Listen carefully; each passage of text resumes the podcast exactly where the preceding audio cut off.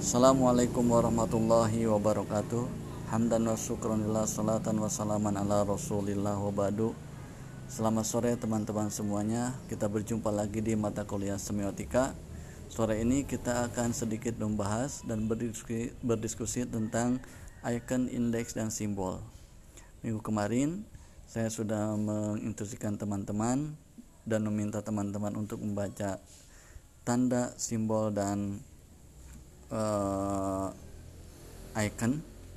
Saya harap teman-teman sudah membaca sehingga ketika saya menyampaikan icon, indeks, dan simbol ini ada sedikit gambaran dan ada beberapa uh, hal yang emang teman-teman sudah diketahui ataupun belum diketahui kalau misalnya ada yang sudah diketahui jadi sebagai bahan bandingan perbandingan antara materi yang saya sampaikan dengan uh,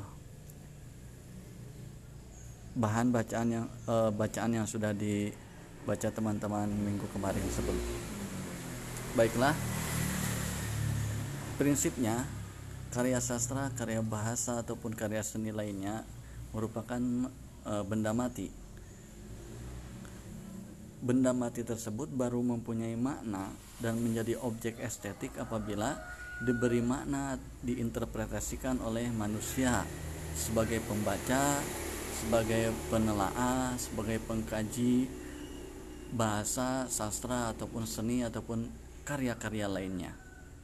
Seperti halnya eh, arkeolog yang mendalami ataupun mengkaji membaca artefak peninggalan manusia purba sehingga artefak tersebut mempunyai arti yang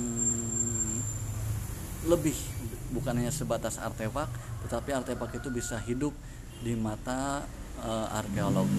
Contoh lainnya seperti halnya naskah kuno. Naskah kuno apabila hanya sebatas benda naskah itu bendanya benda mati akan tetapi diserahkan kepada seorang filolog naskah kuno itu akan memberikan warna, memberikan hidup, mempunyai makna, kemudian mempunyai hal yang bisa digali dan disampaikan kepada halayak umum pada masa sekarang. Gitu. Jadi benda-benda mati itu apabila diserahkan ataupun di, dilihat oleh pembaca ataupun oleh penikmat atau para ahlinya benda mati itu akan menjadi sebuah hal yang e, bermakna dan mempunyai objek menjadi objek yang estetik.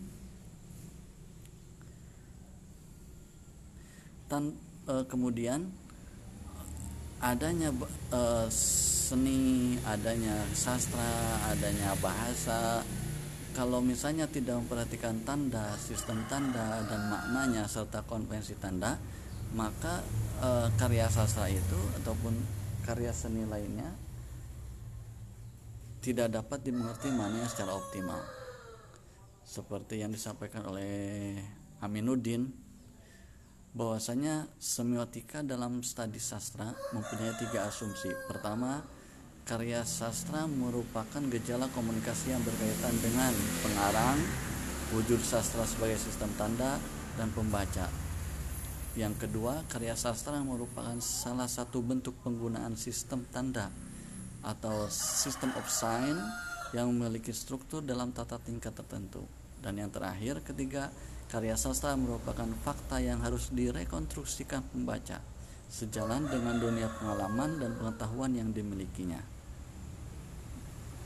Jadi eh, perlu kita garis bawahi di poin yang ketiga yaitu bahwasanya karya sastra ataupun karya-karya seni lainnya fakta yang harus direkonstruksi oleh pembaca sejalan dengan dunia pengalaman dan pengetahuan yang dimilikinya. Berarti kembali lagi kepada pembacanya. Sejauh mana pembaca itu memiliki wawasan memiliki pengalaman terhadap benda yang dilihatnya benda yang dibacanya. Benda itu baik berupa e, karya sastra bahasa seni ataupun yang lainnya. Sehingga bisa jadi interpretasi antar satu pembaca berbeda dengan pembaca lainnya walaupun objeknya sama. Gitu. misalnya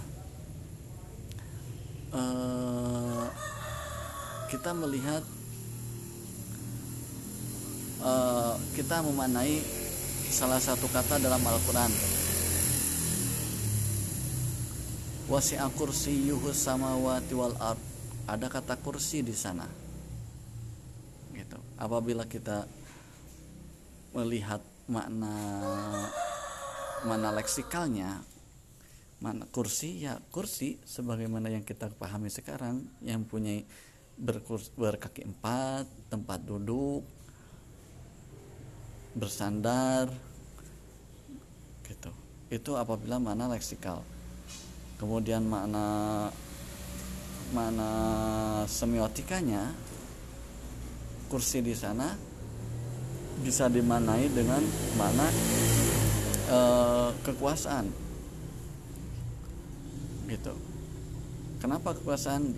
Kita lihat saja bagaimana seorang bos atau pimpinan penguasa biasanya duduknya cukup duduk di kursi cukup telepon cukup tanda tangan e, kemudian kebijakan-kebijakan dan kekuasaannya e, bisa berjalan tanpa dia beranjak dari tempat kursinya.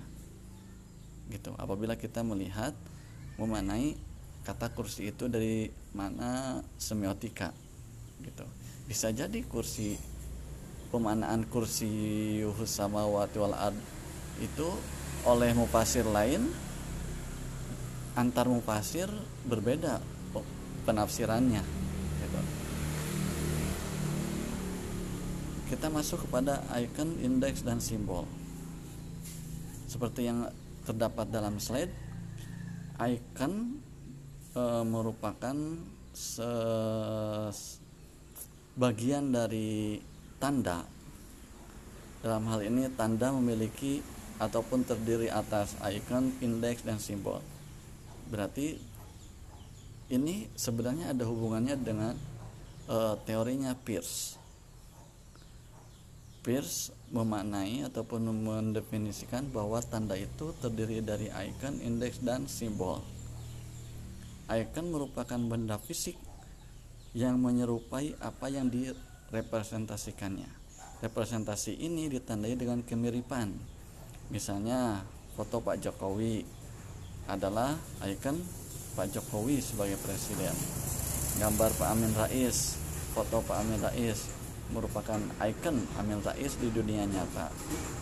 Ataupun foto foto saya. Itu merupakan ikon dari saya yang ada di dunia nyata. Hubungan antara tanda dengan objek dapat direpresentasikan oleh icon dan indeks. Namun icon dan indeks tidak memerlukan kesepakatan tidak memerlukan konvensi Selanjutnya Pierce juga menjelaskan bahwa icon e, adalah tanda yang hubungan antara penanda dan petandanya bersifat bersamaan bentuk ilmiah. Atau dengan kata lain, icon adalah hubungan antara tanda dan objek atau acuan yang bersifat kemiripan. Misalnya potret dan peta. Selanjutnya, eh, pandangan Pierce ini mengenai icon pengertiannya cukup relatif eh, cukup relatif sama dengan istilah simbol dalam wawasan Saussure. Dalam wawasan Saussure, simbol merupakan diagram yang mampu menampilkan gambaran suatu objek meskipun objek itu tidak dihadirkan. Contohnya adalah peta. Peta bisa memberikan gambaran hubungan objek-objek tertentu meskipun objek itu tidak dihadirkan. Hal ini berarti icon merupakan benda dua atau tiga dimensi yang mirip dengan benda aslinya dan dengan apa yang direpresentasikannya. Begitu. Lanjut kepada indeks. Dalam hal ini, indeks e, seperti yang diteorikan oleh Peirce, indeks bagian dari tanda. Indeks adalah tanda yang menunjukkan adanya hubungan alamiah antara tanda dan petan, penanda, petanda yang bersifat hubungan sebab akibat atau tanda yang langsung mengacu pada kenyataan. Contohnya seperti ini. Di mana ada asap, di situ ada api jadi asap sebagai tanda adanya api baik itu asap yang bersumber dari e, misalnya kebakaran ataupun kita membakar sampah itu kan ada asapnya di situ ada api ataupun e, asap yang keluar dari rokok puntung rokok indeks adalah tanda yang hadir dengan cara saling terhubung akibat terdapat hubungan ciri acuan yang bersifatnya yang sifatnya tetap. Contohnya kata rokok memiliki indeks asap. Hubungan indeksikal antara rokok dengan asap terjadi karena terdapatnya hubungan ciri yang bersifat tetap antara rokok dengan asap. Ciri tersebut antara yang satu dengan yang lain berbeda dan tidak dapat saling menggantikan. Ciri utama pada rokok misalnya berbeda dengan asap. Jadi eh, pada indeks ini apabila kita tarik eh, benang merahnya, tarik garis lurusnya, garis besarnya, indeks berarti hubungan antara tanda dan petanda yang bersifat hubungan sebab akibat. Karena tanda dalam indeks tidak akan muncul jika petandanya tidak hadir. contohnya contoh lainnya eh, tidak ada makanan maka lapar kita tidak makan maka kita lapar itu adalah indeks sebab akibat yang terjadi karena e, karena karena kita tidak makan ataupun tidak mengkonsumsi makanan yang cukup sehingga akibatnya adalah lapar. Dan yang terakhir, kita masuk pada simbol. Simbol eh, merupakan tanda yang menunjukkan hubungan alamiah antara penanda dengan petandanya. Hubungan di antaranya bersifat arbitrer atau semena-mena dan hubungannya berdasarkan konvensi perjanjian perjanjian antar komunitas bahasa. Simbol merupakan bentuk yang menandai sesuatu yang lain di luar bentuk perwujudan bentuk simbolik itu sendiri. Simbol yang bertuliskan sebagai bunga, misalnya mengacu dan membawa gambaran fakta yang disebut bunga sebagai sesuatu yang ada di luar bentuk simbolik itu sendiri. Simbol merupakan tanda yang mengacu kepada benda yang ditunjukkan berdasarkan hukum. Biasanya dari pemikiran umum yang menyebabkan simbol itu mengacu pada suatu benda. Dengan demikian, dalam konsep Peirce karena indeks icon dan simbol ini merupakan teori yang muncul dari gagasannya Peirce simbol dapat diartikan sebagai tanda yang mengacu pada objek tertentu di luar tanda itu sendiri hubungan antara simbol sebagai penanda dengan sesuatu yang ditandakan sifatnya konvensional Berdasarkan konvensi itu pula, masyarakat pemakainya menafsirkan ciri hubungan antara simbol dengan objek yang diacu dan menafsirkan maknanya. Kemudian, eh, apakah ada perbedaan antara simbol dengan tanda? Banyak orang yang mengartikan sama antara simbol dengan tanda. Sebetulnya, tanda itu berkaitan langsung dengan objek Sedangkan simbol memerlukan proses pemaknaan, proses interpretasi yang lebih intensif setelah menghubungkan dia dengan objek. Contohnya seperti ini. E, adanya Bukit Sopa dan Marwa. Contohnya merupakan e, itu dua tempat yang dijadikan ataupun prosesi dalam pelaksanaan ibadah haji. Sa'i antara Sofa dan Marwa. Namun di balik itu, di balik adanya bukit Sofa dan Marwa, di sana e, bukan hanya sebatas bukit dua bukit yang dijadikan e, prosesi ibadah haji tapi di sana merupakan simbol di sana terdapat simbol e, perjuangan hidup yang dilalui oleh Siti Hajar ketika mencari air untuk Nabi Ismail yang masih bayi ketika ditinggalkan oleh Nabi Ibrahim yang harus pergi ke Palestina setelah mendapatkan uh, perintah dari Gusti Allah Subhanahu wa taala. Kemudian contoh lainnya uh, adanya salib dipajang di depan gereja itu merupakan tanda bahwa rumah tersebut rumah ibadah orang Kristen. Namun salib yang terbuat dari kayu merupakan simbol yang dihormati oleh semua orang Kristen lambang pengorbanan jiwa dan raga Kristus demi umat manusia.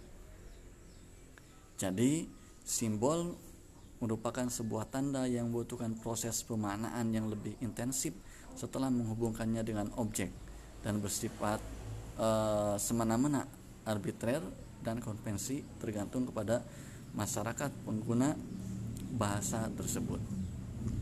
Begitu yang bisa saya sampaikan terkait indeks, icon dan simbol. Saya harap teman-teman bisa mengcompare dengan bacaan yang sudah dibaca oleh teman-teman sebelumnya sehingga di sini ada dialektika antara yang saya sampaikan dengan yang e, wawasan yang sudah dipahami oleh teman-teman semua. Terima kasih atas perhatiannya. Mohon maaf apabila banyak kesalahan. Alafu minkum. Wallahu muwaffiq Wassalamualaikum warahmatullahi wabarakatuh.